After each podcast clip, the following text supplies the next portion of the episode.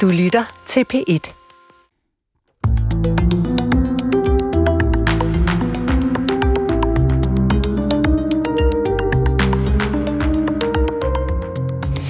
Dydsetikken er oppe i tiden, og i erhvervslivet gør ledelserne sig umage med ordentlighed. Men hvad vil det sige at være ordentlig, og hvordan går det med ordentligheden i det hele taget? Hvordan lever vi op til egne idealer, uden at blive stresset eller skuffet, hvis det er for hårdt arbejde at være god hele tiden? Vi bevæger os på dydens smalle sti i denne udgave af Tidsånd, programmet, der taler verden ind i troen og troen ind i verden. Mit navn er Paula Lerein. Velkommen til.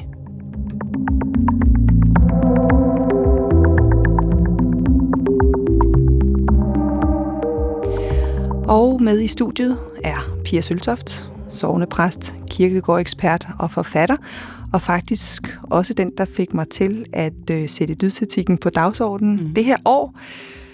Nu har jeg været igennem dyderne, mm. en for en i flere programmer, og øh, tænker, at så har jeg da gjort noget for det der med dyderne. Men jeg er stadig i tvivl om, om vi får en bedre verden af at snakke om den. Og øh, vi kan jo begynde med det der med, hvorfor egentlig? Hvorfor skal den der dødsetik hylde? Mm.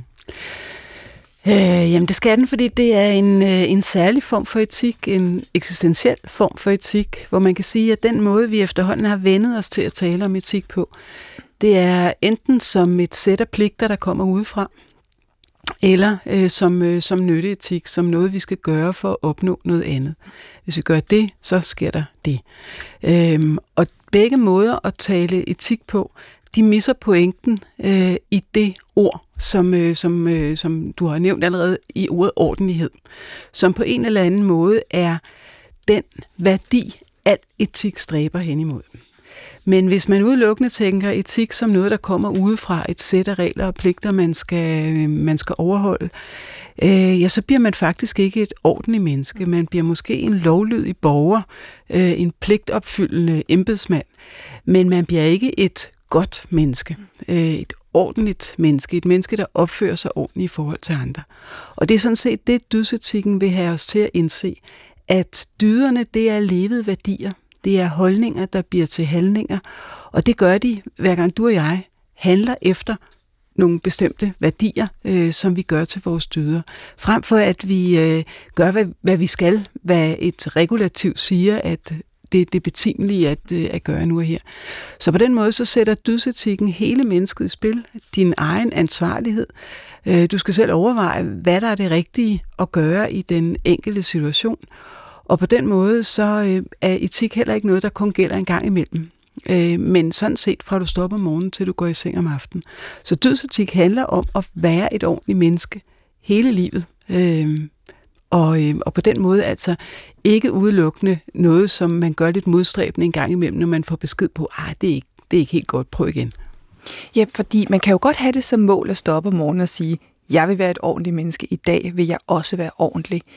Men så er det, man kommer til kort og tænker, men hvad er det at være ordentlig? Mm.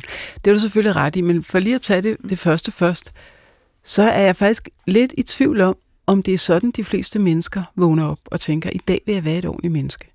Altså jeg tror måske, at der er en større tendens til, at man vågner op, øh, og hvis man tænker etik, så tænker jeg, nu skal jeg, nu, nu vil jeg prøve at lade være med at.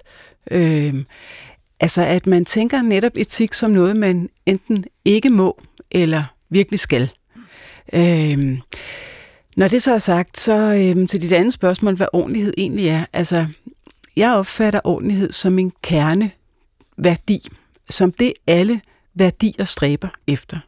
Øh, som en paraplyværdi, kunne man også sige.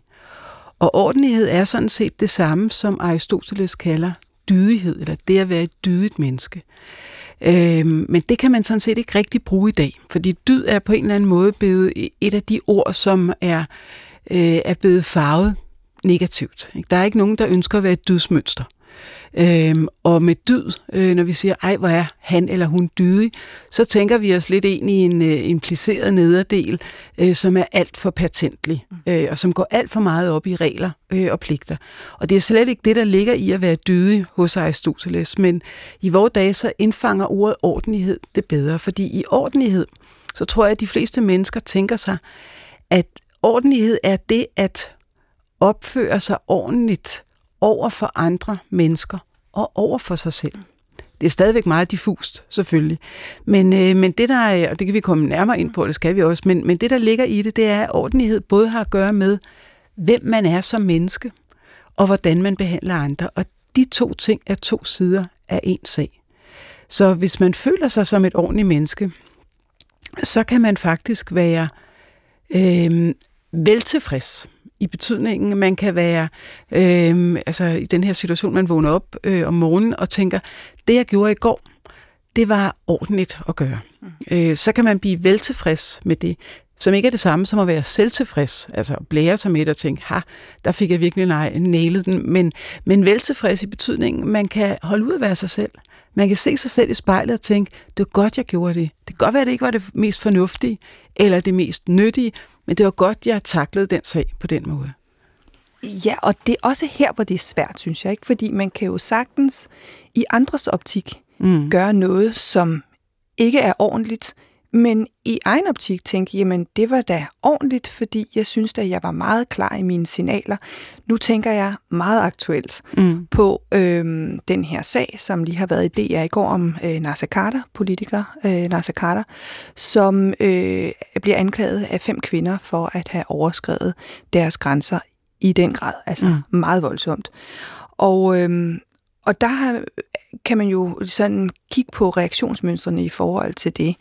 Øhm, folk reagerer jo med en enorm vrede og vantro og så videre. Øh, men jeg tænker straks, hvad tænker han selv om det? Altså tænker han, han er gået over grænserne, og så har dårlig samvittighed og har skjult det, eller tænker han, jamen, øh, jeg havde en god hensigt.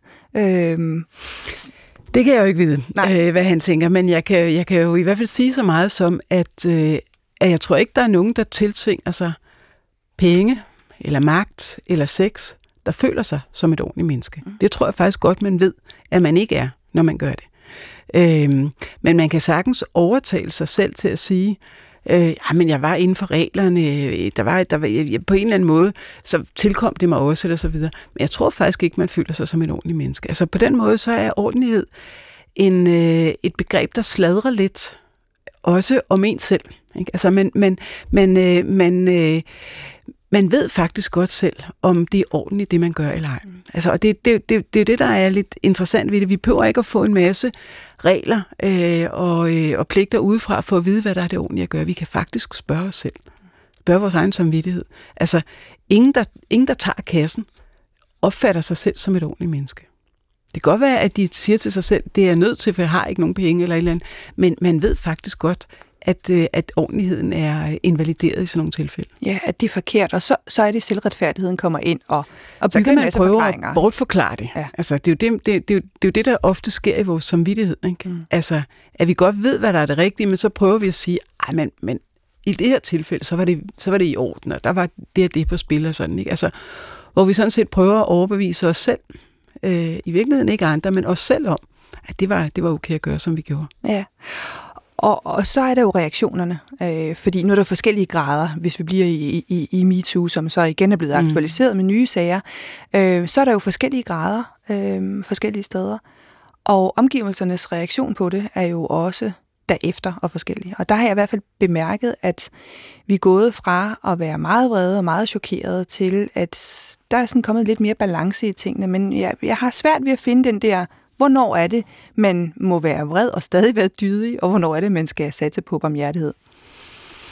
Jamen, øh, men dyderne, vi kommer tilbage til dem, mm. dyderne, de, har jo, øh, de skal jo forme ens handlingsmønster, sådan så at det bliver ordentligt, om man så må sige. De siger ikke noget om, hvad du skal gøre i den konkrete situation. Øh, de vejleder dig, om man så må sige.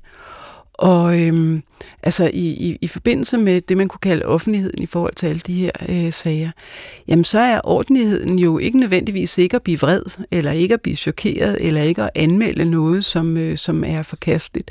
Men ordentligheden kan ligge i måden, man gør det på. Ikke? Altså øh, ordentligheden kan måske ligge i, at man ikke...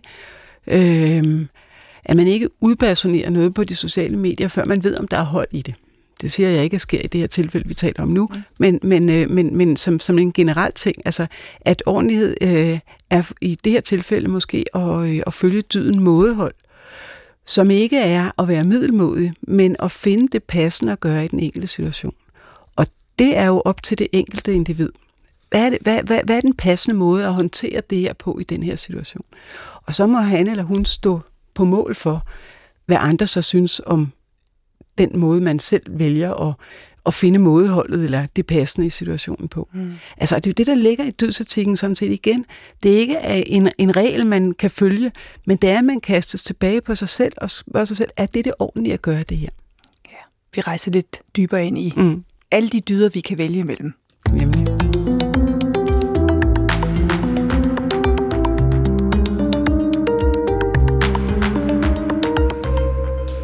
Ja, fordi vi er i gang med Tidsånd på P1, som i dag runder dødsetikken af her til sommerferien øh, med i studiet af Pia Søltoft, præst og kirkegård-ekspert.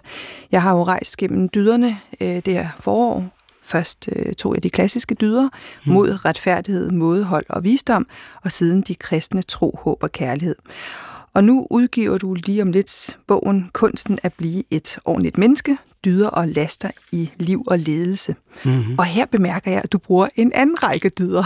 Mm-hmm. og nu er det ikke, fordi vi skal forvirre øh, lytterne øh, helt, fordi der er selvfølgelig der er fællestræk ved mange af dem, men nu læser jeg lige op mm. øh, fra, din, øh, fra din bog.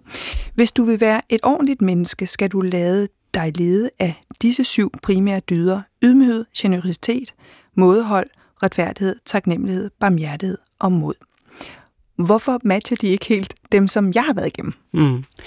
Jamen det gør de ikke, fordi at øh, jeg og min medforfatter, Tormod Tingstad, øh, vi, øh, vi bruger Aristoteles metode, når vi skal finde frem til dyderne. Og de dyder, du nævnte, er typisk dem, man kalder kardinaldyderne. De stammer tilbage fra Thomas Aquinas. Øh, men øh, det vi gør, når vi bruger Aristoteles metode, det er, at vi tager udgangspunkt i to laster. Og dyden, nu nævnte du dydens smalle vej. Grunden til, at dydens vej kaldes smal, det er, fordi det er den vej, der er imellem to laster. Og øhm, de laster, vi har taget udgangspunkt i, er de laster, som alle kender. Syv laster, som øh, ingen kan sige sig fri for, nemlig de syv dødssynder. Så vi har lavet de syv dødssynder definere den ene modpol, øh, og så har vi øh, fundet ud af, eller fundet frem til, hvad så modsætningen til dødssynden er. Kardinaldyderne er nemlig ikke modsætningen til de syv dødssynder, men modsætningen til hovmod for eksempel. Eller ikke modsætning, men dyden til, øh, i forhold til hovmod, ja, det er netop ydmyghed. Ikke? Øhm, at være hårdmodig, det er at sætte sig selv forrest i alle tanker. Ydmyghed, det er netop ikke selvudslettelse, fordi det er den anden last ude i den anden side. Men ydmyghed er midten mellem selvudslettelse og hårdmodighed. Ydmyghed er det her med, at man øh, tager på sig, at det man er og det man har, er man ikke, og har man ikke fået alene. Altså man er ydmyg, ydmyg i forhold til den, man er, det kald, man har, øh, den måde, man er i verden på. Man siger ikke, her kommer jeg, øh, og sætter sig selv frem for alle, men man er heller ikke selvudslættende. Øh, griskhed er den anden af de syv dødssynder, og dyden her er generøsitet. Så griskhed, det er jo det her med at rave alting til sig. Øh, det modsatte er det, det at være fuldstændig ligegyldig med at have noget, være uambitiøs og døden i midten, ja, det er generøsitet, og generøsitet, det er at ville dele det, man har med andre. Øh, det er ikke nødvendigvis at være gavmild, øh, fordi det er bare at give, give ud af sit, sin overflod, men generøsitet er netop den her, den her dyd, hvor man gerne deler det, man har med andre. Ja, men hvis jeg lige må mm. lade dig opholde ja. der i, i dyderne, fordi øhm, den er jo skrevet til ledelser, ikke? Mm. og du øh, laver også ledelsescoaching i forhold til øh, kirkegård, og, øhm, og når man netop tænker på de her balancer, mm. øh, så kan man jo til at tænke på, at det er jo sådan, vi har opbygget samfund og øh, kapitalismen og præstationssamfundet i det hele taget. Mange virksomheder bliver jo ledet af netop folk, som stiller sig op, stiller sig an. Netop er det modsatte af ydmyghed. Øh, at vi har en vækstfilosofi, som faktisk går ud på, at grådighed skal øh, være hos os alle sammen, for at det hele hænger sammen. Så mm. hvordan hænger det sammen med ledelse? Jamen det hænger jo netop sådan sammen, at øh, grunden til, at vi bruger de syv dødssynder, det er jo ikke, fordi de er antikverede øh, gamle øh, synder, men øh, som du netop siger, vi ser dem alle steder, og særligt i ledelse øh, er både hovmod og grådighed øh, meget omsaggribende. Og det er jo sådan set det, bogen gerne vil, øh, at sætte nogle dyder øh, ind i en kontekst, som, øh, som, som, øh, som jo ikke bare, altså det skal man jo, det skal man, man skal hele tiden huske det her med, at dyder ikke bare er at være god mod børn og dyr og andre man får det også selv bedre. man får det også bedre ledelsesmæssigt. Man får, også, man får det også bedre på bundlinjen, om man så må sige. Altså, øh, man kan sige, at de, er, de dyder er både gode for en selv og gode øh, for andre. Så når, når vi for eksempel anbefaler ydmyghed og generøsitet, øh, jamen så er det jo dyder, som også tager højde for for eksempel bæredygtighed.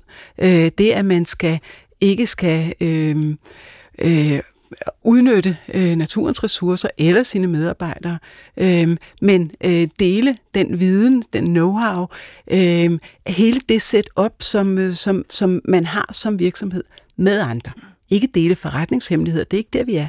Så dyderne handler om at indlære et handlingsmønster, både i ledelse og i medarbejder, som gør, at den virksomhed, øh, der måtte være tale om, øh, bliver bæredygtig, ikke kun når det handler om klima, Øh, regnskab, men også når det handler om menneskelige ressourcer, når det handler om at kunne se sig selv i øjnene som virksomhed, fordi det er nemlig noget af det afgørende i dag, øh, at de fleste virksomheder, de er ikke bare interesserede i at tjene penge, de er også interesserede i det, der hedder purpose, altså formål. Hvorfor er vi her egentlig?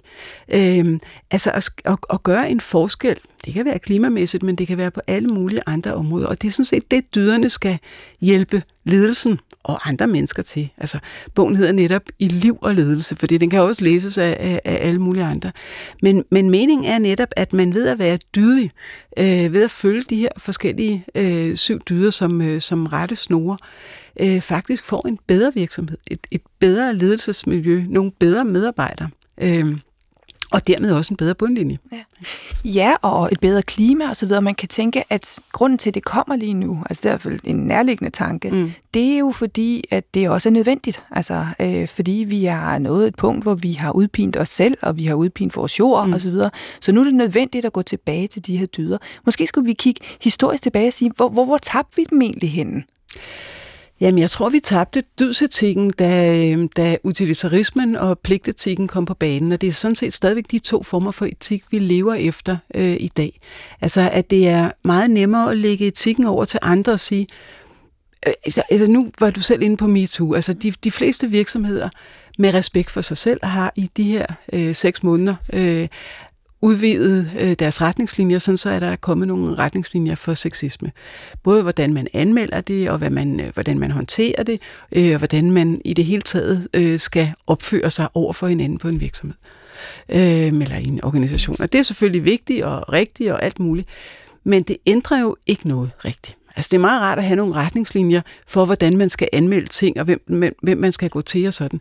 Men det, som man vil ændre, øh, det er jo, at man vil gerne ændre en kultur man gerne ændre en kultur i alle de virksomheder, som har været berørte, fordi man har fundet ud af, at det her, det er ikke en engangsfortælse, men det har været en måde at omgås øh, hinanden på, som har været uhensigtsmæssig. Og man ændrer ikke en kultur med et nyt sæt retningslinjer. Øh, det ændrer man sådan set kun ved at massere de her dyder ind, altså, eller massere tanken om ordentlighed tilbage ind i hovedet på folk. Øhm, altså fordi øhm, de fleste, som... Altså, altså der, øh, en af dem, der har sagt det klarest, det er sådan en filosof, der hedder, der hedder Sisek, mm. øh, som siger, at, at et forbud bærer overtrædelsen i sig. Lige så snart man laver nogle nye forbud, nogle nye regler for, hvad man ikke må, så ansporer man også til, hvordan man så kommer udenom de her regler, hvordan man kan kravle under gæret, hvordan man på en eller anden måde kan lade være. Så det er ikke den vej, vi skal. Altså, den vej, vi skal, det er simpelthen med at tale dyderne op, tale det op, at det er, der er, ligger en ære i at være et generøst øh, menneske. Man, man kan se sig selv i øjnene, man får det bedre, man synes, det er rart, og det er også godt for klimaet og for andre mennesker og alt muligt andet. Men altså, det er det her med, at, at dyderne har at gøre med din personlighed, øh, med din karakter, øh, og ikke øh, at gøre med, med en, øh, en lovlydighed. Ja, og der kan det jo være svært, når man sådan er midt i livet, og man øh, har den personlighed, man har, og man har den opdragelse, man har, og man også har været i et samfund, hvor man har kørt i en anden retning mm. end, end, end dyderne. For der tænker jeg, hvordan omstillingen skal være der. For det første er vi jo i tvivl altså om, hvad etikken er. Altså, det kan man jo se derude, at vi er løsredet fra hinanden meget ofte øh, i forhold til etiske spørgsmål. Men når du siger det der med, at det ligger i karakterdannelsen, mm. øhm, kan du sige noget mere om det? Mm. Ja, altså, øh, men, men, men lige øh, til det, du siger, altså så meget i tvivl tror jeg faktisk ikke, vi er.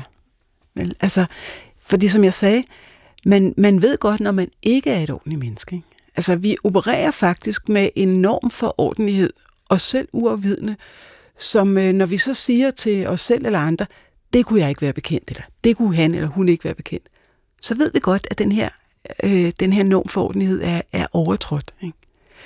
Øh, men det her med karakterdannelse, altså man kan sige, at vi lever i en kultur, hvor vi, vi, vi lægger vægt på personlighedsstyrkelsen. Vi lægger vægt på at være så særlige som muligt, at dyrke den enkelte unikke personlighed. Vi lægger vægt på det overordentlige. Mm. Altså på det at være noget helt særligt. Karakterdannelsen er, har faktisk at gøre med, at, øh, at vi lægger vægt på det almene. For det at være et ordentligt menneske, det er noget, vi alle øh, kan. Og karakterdannelse, både Aristoteles, men også Søren Kierkegaard taler om karakterdannelse, som, øh, som det, at vi alle sammen har en medfødt karakter i betydning evnen til at, at blive dannet af noget andet. Øh, og det, det er sådan set det, der begynder, når vi, øh, når vi begynder at fortælle vores børn historier når vi læser eventyr for dem, som har en morale, og det har du og jeg garanteret gjort for vores børn, det tror jeg, de fleste lytter også har, stadigvæk den dag i dag. En hver fortælling øh, er næsten en fortælling om død. En hver film, vi ser i biografen, vil ofte have øh, den karakter. Øh, selvom det ikke er en øh, konkret dyd, der er på spil, så vil det være en fortælling om, hvad der er det gode at gøre, og hvad der er det uhensigtsmæssige at gøre. Øh, og det er sådan, vi lærer børn dyder ved at fortælle dem øh, eventyr, historier og andre ting. Øh, og det er sådan, vi danner deres karakter. Ens karakter dannes, man fødes ikke med en fix og færdig karakter, men ens karakter dannes af fortællinger, af rollemodeller, at vi ser, hvordan vores øh, forældre handler, hvordan samfundet handler, hvad der lægges vægt på i skolen. Uddannelse er også med til at øh, danne vores karakter, og vi er selv med til at danne det. Når vi bliver øh, gamle nok til at øh, overveje, hvad der er det rigtige at gøre i den enkelte situation. Det er et barn øh, ikke når det er et helt lille barn. Øh, så, der, så der lærer vi dem en sekundær død. Vi lærer dem velopdragenhed. Vi lærer dem, at øh, de skal hilse pænt på folk, at de ikke må pege i bussen, at de ikke må tage det sidste stykke på mm. øh, tallerkenen, at de skal gå ud med deres øh, bestik efter øh, maden osv. Velopdragenhed er en sekundær død i betydningen, at den på man ikke tænke over. Det skal man bare gøre. Øh, og ofte så forveksler voksne velopdragenhed med ordentlighed. Altså en voksen, der gør alle de her ting, øh, og som også ved, hvad der er det rigtige at sige, når vi taler om kultur og politik osv., er ikke nødvendigvis et ordentligt menneske, men en lovlydig borger, en spidsborger, vil Kierkegaard sige. Mm. Øh, men ordentlighed og karakterdannelse, det hænger sammen med, at man så, når man har fået fortalt historier som barn, når man er blevet uddannet, når man har set rollemodeller rundt omkring i fjernsynet, i bøger, i kulturen eller andre steder, at man så selv tager stilling og lidt efter lidt danner sin karakter. For Aristoteles, så er det kun øh, ældre mænd, der kan være ordentlige. Og det er selvfølgelig, fordi det er en anden øh, kultur, øh, vi, øh, vi bevæger os i, hvor kvinder har en fuldstændig sekundær rolle, som slet, som slet ikke handler om, at de er mennesker på samme linje. I dag, øh, så kan kvinder og mænd selvfølgelig øh, være ordentlige. Der er ikke nogen dyder, der er særlig kvindelige eller særlig mandlige for den sags skyld. Ordentlighed, den handler sådan set om at tage på sig, at man har et ansvar for, hvordan man gerne vil have, at verden skal se ud. Ikke kun en gang imellem, når vi taler om klima, men fra man står op om morgenen, til man går i seng om aftenen. Ja, men når du siger det med fortællinger og narrativer øhm, og pointer i historier, så kommer jeg også til at tænke på forskellen mellem dyder og de værdier, man lægger ind mm. i sådan en historie. Fordi øh, det kan jo også hvad skal man sige, være med til at ødelægge en verden, at værdierne for eksempel er, at det er altid med, at heksen er ond, og, og, og så brænder vi hende på bålet osv. Så, videre. så det vil sige, at vi har jo lagt nogle værdier ind, som også er med til at forme os. Hvad, hvad er forskellen mellem værdier og dyder i den sammenhæng? Der er en tæt sammenhæng mellem værdier og dyder. Dyder er levede værdier, kan man sige. Altså de værdier, som, øh, som øh, blot hænges op på væggen i en kantine, eller står på noget glittet papir, eller som vi slynger ud, øh, de, øh, de, de kan være fine, øh, men man kan sige, at man spørger efter værdier. Øh, man kan spørge hinanden, hvad er, hvad er dine kerneværdier? Man spørger ikke efter dyder, for dem kan man se. Altså så dyder er levede værdier. De er de, de værdier, øh, som er levet i den forstand, at de kommer, de er blevet så internaliseret, at vi gør dem af, af os selv, om man så må sige. Ikke, ikke, ikke, øh, ikke øh, hvad kan man sige, ikke viljesløst eller bevidstløst. Ikke sådan ment. Men Aristoteles taler om, at dyderne skal blive ens anden natur. Altså, at, man, at det her med at være et ordentligt menneske, ikke er noget, man behøver at tænke så meget over. Man ved faktisk godt, øh, hvad man skal gøre øh, i den enkelte situation. Hvor, hvor værdierne mere er, øh, de sætter en vejviser, øh, så er dyderne måden, vi går vejen på. Øh, det er, værdier er sådan set, der er ikke på den måde et misforhold mellem værdier og dyder, men, men dyder er levede værdier. Mm. Øh, de er de, er de, de værdier, som er blevet din anden natur, øh, som du ikke længere behøver at overveje øh, med dig selv, om er det rigtige, for det er de. Og man kan jo overveje hele sit liv, om hvorvidt man lever op til de her dyder. Og så vil jeg med det samme komme med en tilståelse, øh, fordi den øh, dyd, jeg har det sværest med, mm. det, er, det er ydmyghed. Det er? Øh, ydmyghed. Ja. Jeg synes, den er svær. Altså, for jeg synes, den er svær at finde ud af. Jeg, der, jeg har problemer med flere, vil jeg lige sige, men, mm. altså, men, men, ja, men, men ydmyghed øh, øh, er vanskelig, synes jeg, at komme øh, omkring, uden at man forsøger at sætte sig selv under en skæbe, eller man gør alle mulige ting for at undertrykke sig selv. Øhm, og den kolliderer meget med sådan et, et, et, et moderne syn på, hvor man ligesom skal være derude og tage stilling og, mm. og være med og ja. så videre. Øhm, ja, hvordan kan man balancere det? Ja, man kan sige, at ydmyghed, som jeg sagde, er, er dyden i forhold til dødssynden hovmod. Mm. Og du har ret i, at hovmod faktisk er blevet en dyd. Altså, det er gået fra at være en synd til at blive en dyd. I betydningen, at, øh, at vi lærer vores børn helt ned i børnehavealderen at være på. Og øh, her kommer jeg og stå frem. Og, ja, også fordi øh, den ligger så op af stolthed. Ikke? Altså, altså på engelsk er det jo pride, og, den, og det kan oversættes på begge mm, måder. Ikke? Mm. Ja. ja, altså men man kan sagtens være både stolt og ydmyg på samme tid. Altså, øh, hvis man har... Øh, hvis man har gjort noget øh, fænomenalt, noget fremragende øh, på en eller anden måde, som leder eller som menneske eller andet, så må man gerne være stolt af sig selv. Men ydmygheden er, at man ikke så samtidig så, som sådan en King Kong slår sig på brystet og siger, her kommer jeg, prøv at se, øh, hvor dygtig jeg er. Altså, så, så på den måde er, er ydmygheden netop ikke selvudslettelse. Det er den anden last. Ikke? Det, er, det er netop det, du siger med at sætte sit lys under en, en skæbe, som jo sådan set er et bibelsted, øh, som, øh, som man frarådes. Ikke? Man skal ikke sætte sit lys øh, under en skæbe. Altså, så, øh, så modsætningen til, øh, til, til hovmod er, eller dyden i forhold til hovmod er bestemt ikke, at man skal lade være med at shine, om man så må sige. Men, øh, men yd, i ydmygheden ligger der øh, en tanke om, at det man er, og det man har, det kunne man sådan set ikke gøre uden andre. Altså hvis man sætter sig op og, og siger, her kommer jeg, øh, jeg er helt alene, har jeg vendt øh, den her organisations øh, over, øh, underskud til et overskud, så er det jo ikke rigtigt. Det kunne man ikke have gjort uden medarbejdere, medledere, leverandører og alt muligt andre. Altså i ydmygheden ligger en viden om, at man skylder de andre noget. Mm. Ikke bare som leder, men også som menneske. Altså, øh, at det kan godt være, at du som radiovært har gjort det godt, men det kan du faktisk kun, fordi du har en familie, der også støtter dig. Øh, du har nogle venner, som øh, er med dig osv. Og det er sådan set en del af ydmygheden. At anerkende, at andre er en del af en, øh, er en del af ens succes øh, som man godt må være stolt af, at man har bestemt. Men, øh, men i ydmygheden ligger, at man tager det her på sig med, at man kunne ikke have gjort det alene. Man kan sige, at, øh, at hovmodet i sin yderste potens, der er jo grader af alle de her laster, mm. og hovmodet i sin yderste øh, potens er rendyrket selvoptagethed eller egoisme. Og det er faktisk den direkte modsætning til ordentlighed. Man er ikke et ordentligt menneske, hvis man udelukkende er optaget af sig selv. Heller ikke, hvis man er udelukkende er optaget af at se ordentligt ud. Ikke? Altså, mm. det ser man også tit. Ikke? Altså, nu vil jeg vise, hvor ordentlig jeg er, og så vil jeg smide det ud på de sociale medier, så alle kan se, at jeg tager en flygtning op på motorvejen, eller hvad det måtte være, man gjorde. Øhm, altså det er jo egentlig selvoptagethed, maskeret som ordentlighed. Øh, og bestemt ikke ydmygt. Uha, ja, fordi så kommer jeg til at tænke på noget, som du skriver i, i bogen, som jeg var meget optaget af, blevet lidt ramt af. Øhm, øh, jeg citerer lige. I dag dyrker vi primært den særlige personlighed og har mm. mistet fokus på den almindelige karakterdannelse. Vi mangler derfor en fælles forståelse af, hvad etik er. Det at være et ordentligt menneske er blevet devalueret i forhold til det at være et overordentligt, et mm. ekstraordinært menneske. Og når det kommer til etik, er vi mere optaget af at være lovlydig og følge en række regler, end selv at tage stilling til, hvad der er det rigtige at gøre.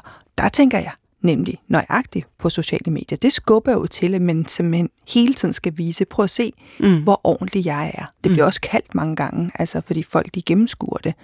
Øhm, hvorfor er vi kommet derhen, hvor vi ikke kan se ordentligheden på grund af det overordentlige? Jamen, altså, det skyldes jo, de her syv dødssynder, eller de syv laster, er jo så grundlæggende, så de har altid været i os. Ikke? De, har, de har altid, øh, øh, og det er jo derfor, de er blevet udnævnt, kan man sige. Det er jo ikke, fordi de er særlig slemme. Det er simpelthen, fordi de er fuldstændig almene, øh, at øh, et hvert menneske kan genkende sider af sig selv i det. Øh, altså, man kan sige, at altså, på den måde er det ikke noget nyt. De sociale medier er bare øh, de nye. Altså, det er, det er nyt, at vi ser det så tydeligt.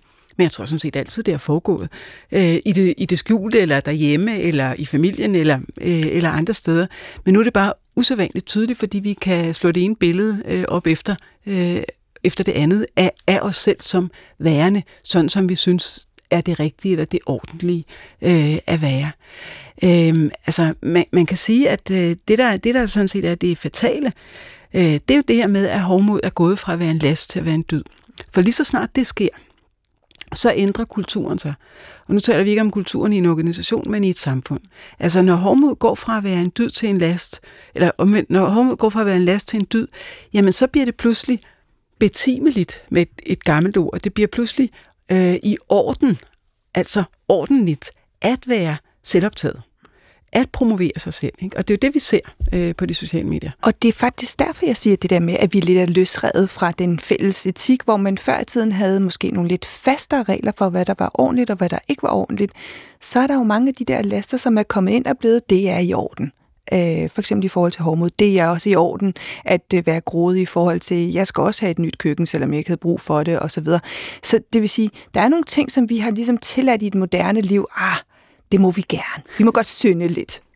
Men, ja. men du kan selv høre, fordi du gør jo lige præcis det, vi alle sammen gør, ikke? Man prøver at overtale sig selv. Man kan sige, ah, jeg har også, jeg har for, because I'm worth it, ikke? Jeg har også fortjent et samtalekøkken, eller et eller andet, whatever, ikke? Altså, men, men allerede der, at vi er, er nødt til at overtale os selv. Mm. Vi er nødt til at give nogle, øh, øh, nogle begrundelser for, at det er i orden. Gør jo, at vi godt ved, at det ikke er i orden. Ja, og hvor kommer det fra? Altså, er det sådan en medfødt indre visdom, eller hvad er det? Nej, altså øh, både og. Altså, hvis, hvis du spørger øh, Aristoteles, så har vi det, der på græsk hedder phronesis, som er den etiske dømmekraft, og den er medfødt. Altså, det er den, der gør os i stand til at, øh, at vurdere i den enkelte situation, hvad der er det rigtige at gøre. Det er den, der gør os i stand til at finde midten, øh, det passende øh, i den enkelte øh, situation. Og den evne har vi altid haft. Altså, andre vil tale om samvittigheden øh, i, i, i den forbindelse. Altså, den evne har vi, og det er, der ikke no, det er der ikke noget menneske, der ikke har. Men vi kan godt lade være at bruge den. Ikke? Altså, og det er jo det, der sker, når, når man kan sige, når, når pligtetikken og nytteetikken har overtaget tanken om det at være et ordentligt, altså et dydigt menneske, jamen så holder vi op med at bruge fronesis, så siger vi, jamen der står i reglerne, at det må jeg, og det må jeg ikke. Øh, altså vi holder op med at bruge vores eget etiske skøn, øh, øh, og, og, og, øh, og tænker, når men jeg er en lovlydig borger, jeg, jeg opfører mig efter reglerne, øh, så, øh, så derfor så, så må jeg gerne kalde mig et ordentligt menneske. Og det er faktisk noget andet. Ikke? Altså, ja. det, den personlige ansvarlighed bliver sat ud af spil, hvis man udelukkende følger pligter og regler, uden selv at tage stilling. Ja. Jeg tror, jeg havde en ven, som faktisk sagde øh, på et tidspunkt, hvor øh, jeg var fanget i en eller anden en eller anden vrede eller et eller andet, øh, hvor han sagde, prøv en gang at lukke øjnene og lige blinke en gang, så ved du godt, hvad der er det rigtige at gøre. Mm. Øh, det er vel en øvelse, som, som vi alle sammen kan gøre, når vi har den der indbygget. Men, men siger jeg så, følelser, apropos. Ikke? Mm-hmm. Altså, fordi de står jo i vejen for os. Ikke? Altså, kan stå i vejen for os. Øh, og de kan jo være mere eller mindre bombastiske, afhængig af, om man lige har fået spist den dag, eller om man lige har et hormonnedtur, eller et eller andet. Der kan være mange grunde mm. til, at ens følelser måske, at man bliver reddet med sine følelser. Mm. Øhm, hvad er der at sige om altså forskel mellem det der med følelser og dyder? Mm. Jamen faktisk, altså... Øhm man kan sige, at, at, at sådan en, en rendyrket pligtetik, som den Immanuel Kant øh, var, var fortæller for, der var følelser bandlyste, fordi de var ufornuftige. Øh, og, og det, der er ved følelser, det er selvfølgelig, at de er subjektive. Ikke? Altså, at de er vanskelige, traderbare og delelige. Men det, der ligger med, i, i dødsetikken, øh, det er faktisk, at følelserne er med. Øh, og det skyldes jo, at, øh, at dødsetikken involverer hele mennesket. Øh, det vil sige, at når du gør noget ordentligt, når du handler retfærdigt, øh, så får du det også bedre med dig selv. Det kan du mærke. Mm. Det føles godt. Du, og du kan også mærke, at du bliver irritabel, hvis du kommer til at gøre noget, du godt ved, det var, det var, det var uretfærdigt, det her. Mm. Altså, der lader følelserne, de slader jo lidt om fornuften også, om man så må sige. Altså, der er ikke vandtætte skodder imellem, fordi selvfølgelig er det fornuften, man bruger til at finde ud af, hvad der er det retfærdige at gøre, men følelserne følger med. De lader dig vide, jamen nu er du, sgu, nu er du, nu er du på afvej. Ikke? Mm. Nu, det er derfor, du bliver irriteret. Det er ikke kun, øh, fordi du har lavet blodsukker eller et eller andet. Ikke? Det, det er faktisk også, fordi du er på vej et sted hen, hvor der ikke er godt at være. Hvor du ikke er ordentlig. Altså, så på den måde er følelserne ikke bandlyste i dødsetikken. Men du skal heller ikke lade dig lede af dem. Dyderne er ikke følelser. Mm. Men det er, følelserne er ledsagerfænomener til dyderne. Man kan mærke, når man er et ordentligt menneske. Og det er der, hvor jeg har det lidt vanskeligt med en af sønderne. Fordi det er en følelse. Mm. Det er følelsen af vrede. Ja. Og, og, og den, er, den er vanskelig. Ja. ja, altså man kan sige, at vrede er jo en, øh, en, en primær følelse faktisk. Altså den er, det, den, den er dem, vi skal have. Altså, øh, vi skal kunne blive vrede osv., det er derfor, at psykologer også taler om, at man skal ud med sin vrede osv. Men når vi taler om dyder, så er så netop dyder er ikke følelser, så det er ikke vreden som en følelse, øh, der er tale om, men det er vreden som en, en holdning. Øh, altså, hvis man er et vredt menneske, øh, så, øh, så er man sådan set vred på alt og alle. Altså hvis jeg kan give et eksempel, det er jo, det er jo okay nok, hvis der er en, der bagtaler en, øh, så må man gerne blive vred på den person. Og man må også gerne lade sin vrede få, øh, få frit løb og skælde personen ud. Det vil jeg sørme ikke finde mig i. Øh, og så er det egentlig godt nok så er vrede en, en, en, en primær følelse, som der bliver reageret på, og det er fint. Øhm, men hvis vreden bliver til, at jeg tænker, alle bagtaler mig, alle bagtaler mig, ikke bare dig, men alle bagtaler mig, øhm, så vil jeg også være mistroisk i forhold til alle. Og så har vrede faktisk øh, gået hen og dannet min karakter på en uhensigtsmæssig måde, så jeg bliver en, et, et menneske, som er mistroisk i forhold til alle, og som lader min vrede gå ud over alle. Øh, ikke en retfærdig vrede, om man så må sige, men den her vrede over, at jeg egentlig mener, at alle ved mig det dårligt. Alle bagtaler mig. Altså lidt efter lidt, så kommer vreden til at farve den måde, man er på. Øh, og det er sådan, at altså en last er jo ikke en konkret ting, man gør, men en last er et uhensigtsmæssigt handlingsmønster. Og hvis vreden bliver det, jamen så bliver det en last. Hvis vreden er retfærdig, altså som, det vil jeg ikke finde mig i, nu skal jeg ud, øh, siger det til ledelsen, eller hvad man nu gør, så er der sådan set ikke noget galt med vreden, men så er den heller ikke en last, så er den en primær følelse, som, øh, som man reagerer på. Ja, øh, en af de ting, som jeg lærte mest af øh, gennem rejsen, øh, gennem dyderne her mm. i øh, foråret, det var øh, i programmet om visdom, som en af kardinaldyderne, en af de helt gamle, klassiske mm. kardinaldyder. Øhm, hvor jeg havde Peter Rue i studiet, som er formand for kristen spiritualitet, mm-hmm. øh, og som øh, pegede på nogle tekster i øh, det gamle testamente, i ordsprogenes bog, hvor visdommen er øh, meddeler sig. Mm. Og øh, jeg vil lige spille lidt fra, fra den udsendelse, mm. fordi mm. jeg havde, hvad man kan kalde, hvad jeg senere fandt ud af, et erkendelseshop i forhold til det mm. med vrede øh, og retfærdighed. Øh, jeg læser lige op her i begyndelsen øh, af ordsprogenes bog. Mm. Hør, visdommen råber, forstandigheden løfter sin røst. På højderne ved vejen, ved korsvejene, står hun, ved portene, ved indgangen til byen, i døråbningerne råber hun. Det er jer, mænd, jeg råber til. Min røst lyder til jer mennesker. I uerfarne, skaf jer kløgt. I tåber, skaf jer forstand. Ja, er det visdom i os, der råber, når vi møder verdens uretfærdighed? Ja. Visdommen vil vække vrede der hvor øh, sansen for retfærdighed, sansen for medfølelse, ikke bliver hørt, ikke får plads, der bliver vi nogle gange afmægtigt vrede. Og, men vi får lyst til at råbe. Og jeg tænker, det er det samme råb, vi kan høre fra hende her, når hun stiller sig op og meddeler sig til verden. Og så er det, jeg tænker, nu er vi jo i gang med at se på dyderne en for en. Og den ene af dem er visdom, og det er den, vi har øh, holder i hånd i dag, visdommen. Vrede bliver anset for at være en synd. Altså, hvordan kan hun vække vreden i os, hvis vi ikke må være vrede? Det er vel fordi vreden også er den kraft, der øh, kan forandre. Den, der kan skære igennem.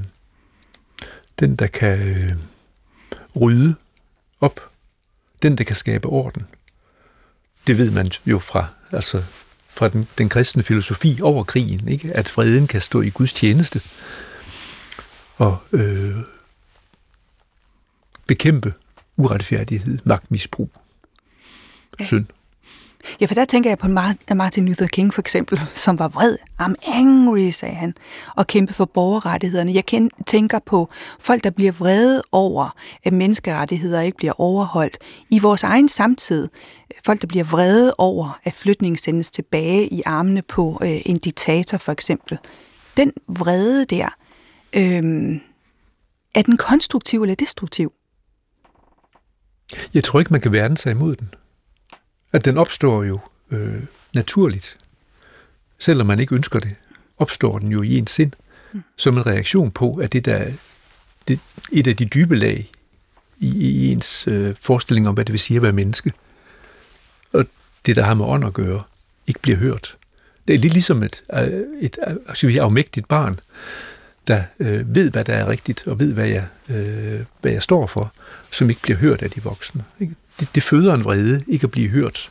Men når det dybeste i ens øh, eksistens, det der har med viden om Gud at gøre, ikke bliver hørt. Man kan vælge at bøje nakken, men man kan lige så vel vælge at give øh, vreden, forurettelsen, på vegne af dem, der bliver mishandlet, og give, dem, øh, det, give det stemme. Hvordan ved man så, når man lytter til vreden? Hvordan ved man, at det er visdom, der ligger bag? Det, det er svært at vælge, men man kan jo prøve at skelne mellem, en, øh, der er en kølig vrede, og så er der en, en varm vrede. Mm. Der er den vrede, hvor man mister besindelsen, øh, og ikke ved af sig selv, hvor vreden tager magten, og hvor vreden besidder en, øh, og hvor man kommer til at slå og så er der den vrede, hvor man øh, hvor vreden er en kraft, der får en til at løfte stemmen og tale meget præcist og meget tydeligt, og blive meget klar og blive meget vedholdende. Vi talte om ikonet før, om at øh, den kvinde, som sidder og troner på det ikon, som vi talte om før, øh, og som er omgivet af mænd, men hun sidder og troner, og hun er rød, fordi hun er vred, sagde du. Hun er vred på menneskene. Ja vred over de mennesker, der ikke lever, som hun øh, ved er ret. Så ja, en form for afmægtig vrede over, at øh, den verden, der er skabt til det gode, som hun har været medskaber af, ikke, øh, ikke folder det gode ud, øh, ikke folder sit potentiale ud, ikke, ikke ved af Gud som en inderlig erfaring, som et samliv med med Gud. Og det er så her, hvor jeg bliver afmægtig, Peter. Og nu skal du hjælpe mig, fordi det er her, hvor jeg virkelig bliver afmægtig. For når jeg ser på det ikon, som er malet eller øh, skrevet i øh, 1700-tallet, og tænker på i dag, så er det præcis de samme uretfærdigheder, vi går igen og igen og igen i møde. Og men føler ikke, der sker noget. Hvad er redningen i forhold til det? Altså, vil det blive ved med at være sådan? Altså, at visdommen bliver lagt til side, og man, man gør uvise ting som mennesker. Det er det, Sofia, øh, fortællingen i Gamle Testamentet handler om, og det som øh, kan vi sige, al kristendom handler om, at menneskene bliver ved med at øh, gøre uvise ting.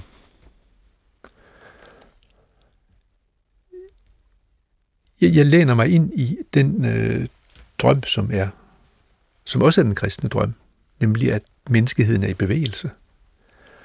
Og at vi bevæger os fra en, hvis vi taler, i stedet for at tale frelseshistorie, taler evolutionens historie, og sige, at vi er i en meget lang og langvarig bevægelse ud af øh, dyrets bevidsthed.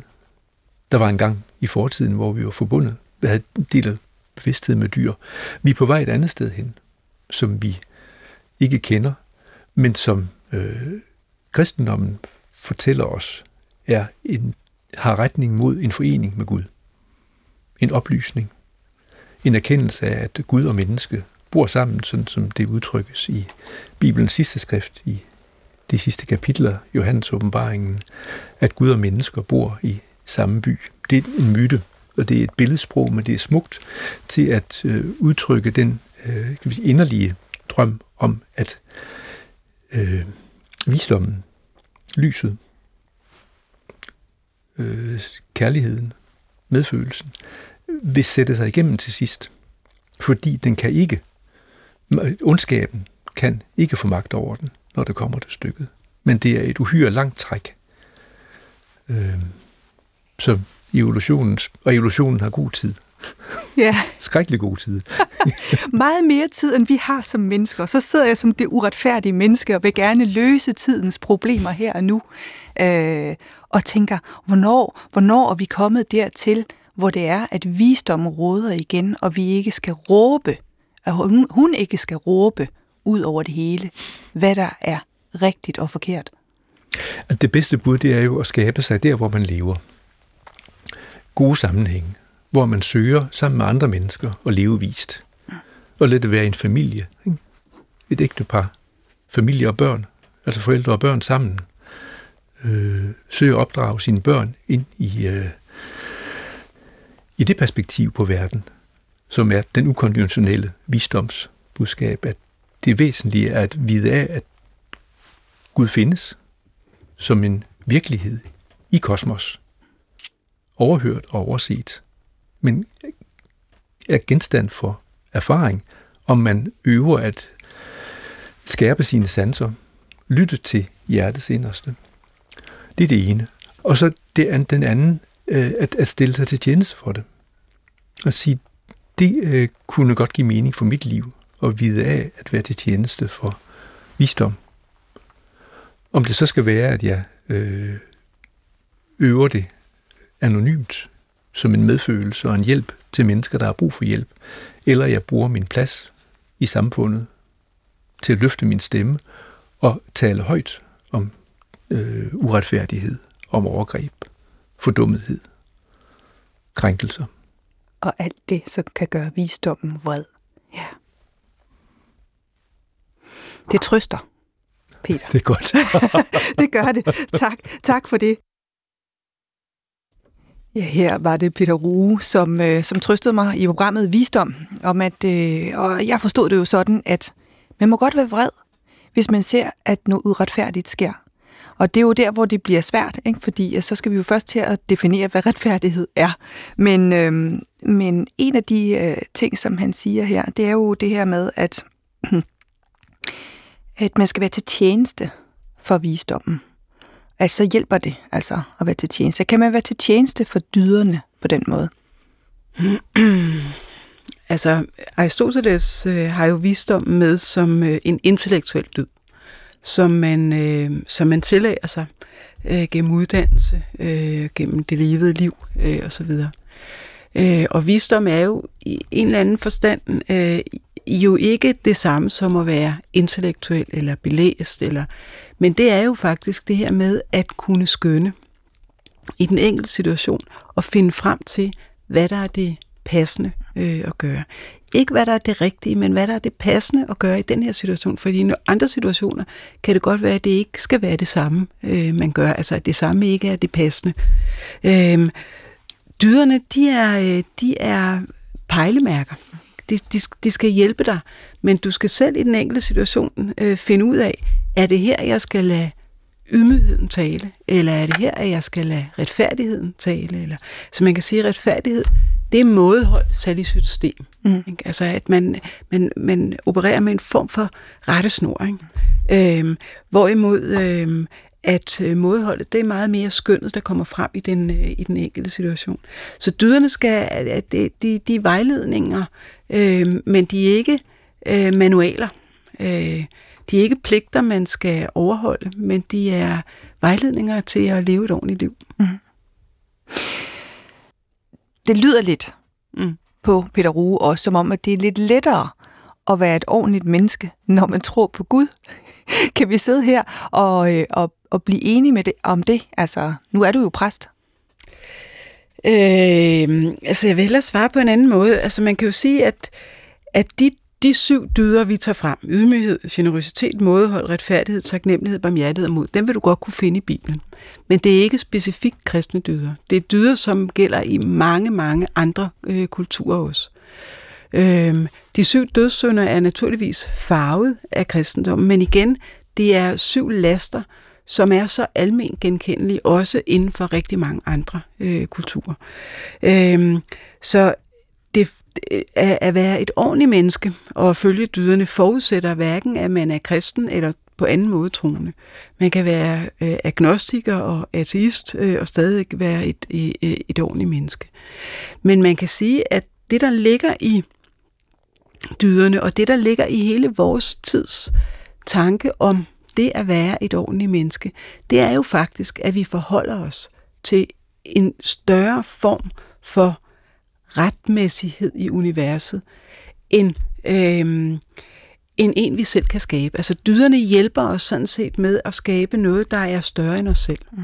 Øh, at at, at, at der, der ligger jo faktisk, øh, når, man, øh, når man fornemmer sig selv som et ordentligt menneske, når man siger til sig selv, det var det ordentligt at gøre, det kan godt være, at det ikke var det mest fornuftige, det kan godt være, at det ikke var det, der kunne betale, som det var det ordentligt at gøre, så føler man sig hmm, som et nobelt menneske, man er ærefuld, og alle de her begreber, store begreber, at være storsindet, øh, det er jo begreber, som på en eller anden måde trækker øh, ikke på det guddommelige nødvendigvis, øh, eller, eller på det kristne, men som trækker på en tanke om, at der er faktisk noget, der er større end os, som vi er nødt til at forholde os til, hvis vi vil behandle hinanden og verden ordentligt.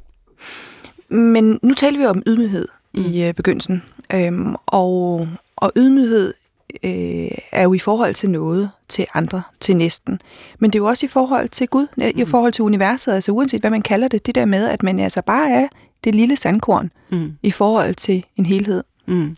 Ja, der ligger i ydmygheden, som jeg sagde, altså man kan, ydmyghed kan jo sagtens tolkes ind i, et, i, i en religiøs øh, kontekst, som det, at et menneske skal være ydmyg, fordi vi har fået skænket livet af Gud. Mm. Øh, men øh, man behøver ikke at være religiøs for ikke at kunne genkende, eller for at kunne genkende ydmygheden.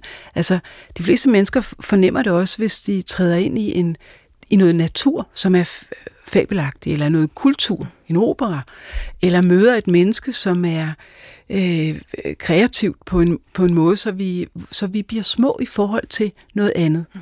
Altså, så ydmyghed er en anerkendelse af, at øh, en ærefrygt, kunne man også kalde det, af, at vi faktisk er små i forhold til noget andet. Og det behøver ikke at være en Gud. Altså, jeg, vil, jeg vil ved på, at der er en masse mennesker, som aldrig har følt sig øh, religiøse, som alligevel kender til den ærefrygt og den ydmyghed, man kan få i forhold til noget andet.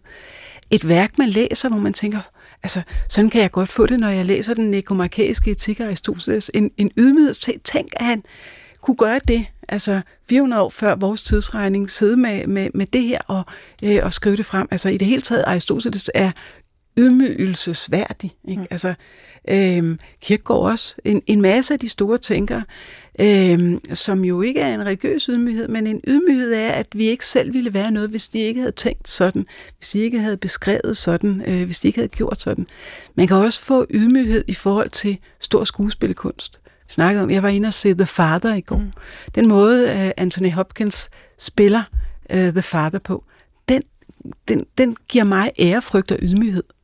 Altså, så det behøver ikke være religiøst, men det er det her med, hvor lille man er i forhold til noget, der er så stort, som for eksempel stor øh, skuespilkunst. Øhm, og det samme, altså nu i, i, i vores kontekst med ydmyghed, ja, så ligger den også i forhold til, at man, har, man tager en opgave på sig som leder, som præst, som studievært, som alt muligt. Man tager en opgave på sig med ydmyghed. At man vil gerne udfylde den så godt man kan, vil gerne gøre sit bedste, øh, uden at det er en perfektheds- eller nulfejlskultur, men så ligger ydmyghed i, at man har fået opgaven af nogle andre, og så vil man gerne øh, gøre det så godt som muligt. Så det er langt fra selvudslettelse, og, og hvis man lykkes med det, hvis det bliver en god film, eller et godt program, eller et godt kunstværk, så må man gerne være stolt af det. Det er ikke at være homodig. Nej. Ja, så man kan virkelig, altså lave en bevægelse der, som, øh, som Peter Uwe også var inde på. Altså, at vi mm. mennesker er konstant bevægelse og konstant udvikling. Mm. Øhm, og så, øh, det kan vi måske lige nå her til sidst, fordi så kommer frelsen, så kommer nåden. Øh, og nogle gange kan jeg godt tænke, at den måde, vi anskuer frelsen og nåden på sådan i lutheransk optik, eller nogen lutheraner op, øh, anskuer den, det er, at det er nærmest ligegyldigt, hvad vi gør, så er frelsen ikke op til os. Øh, det er Jesus, der frelser os, øh, og, øh, og, og i virkeligheden er det lidt lige meget, hvad vi får gjort her på jorden.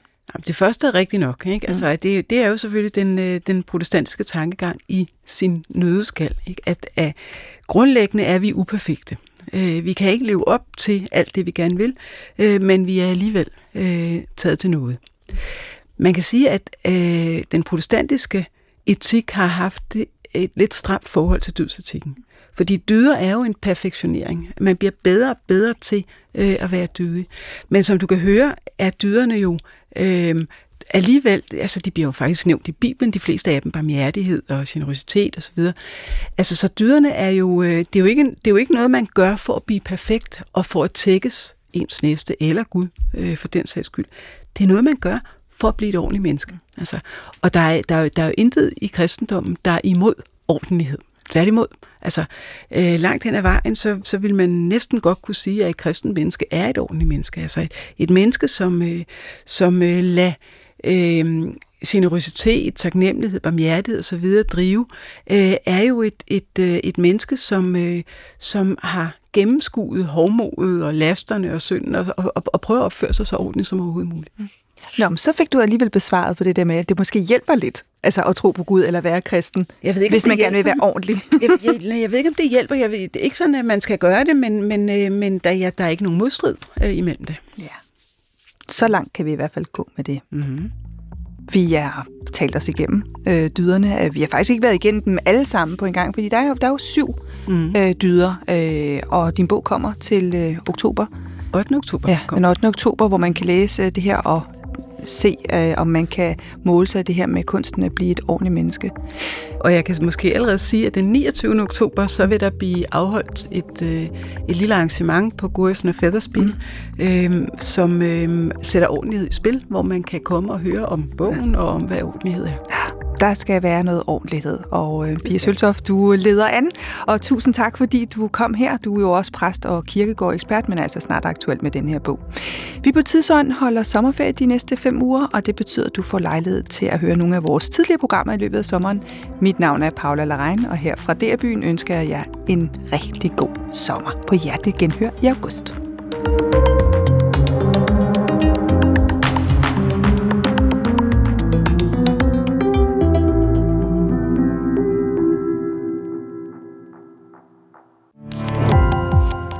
Gå på opdagelse i alle DR's podcast og radioprogrammer. I appen DR Lyd.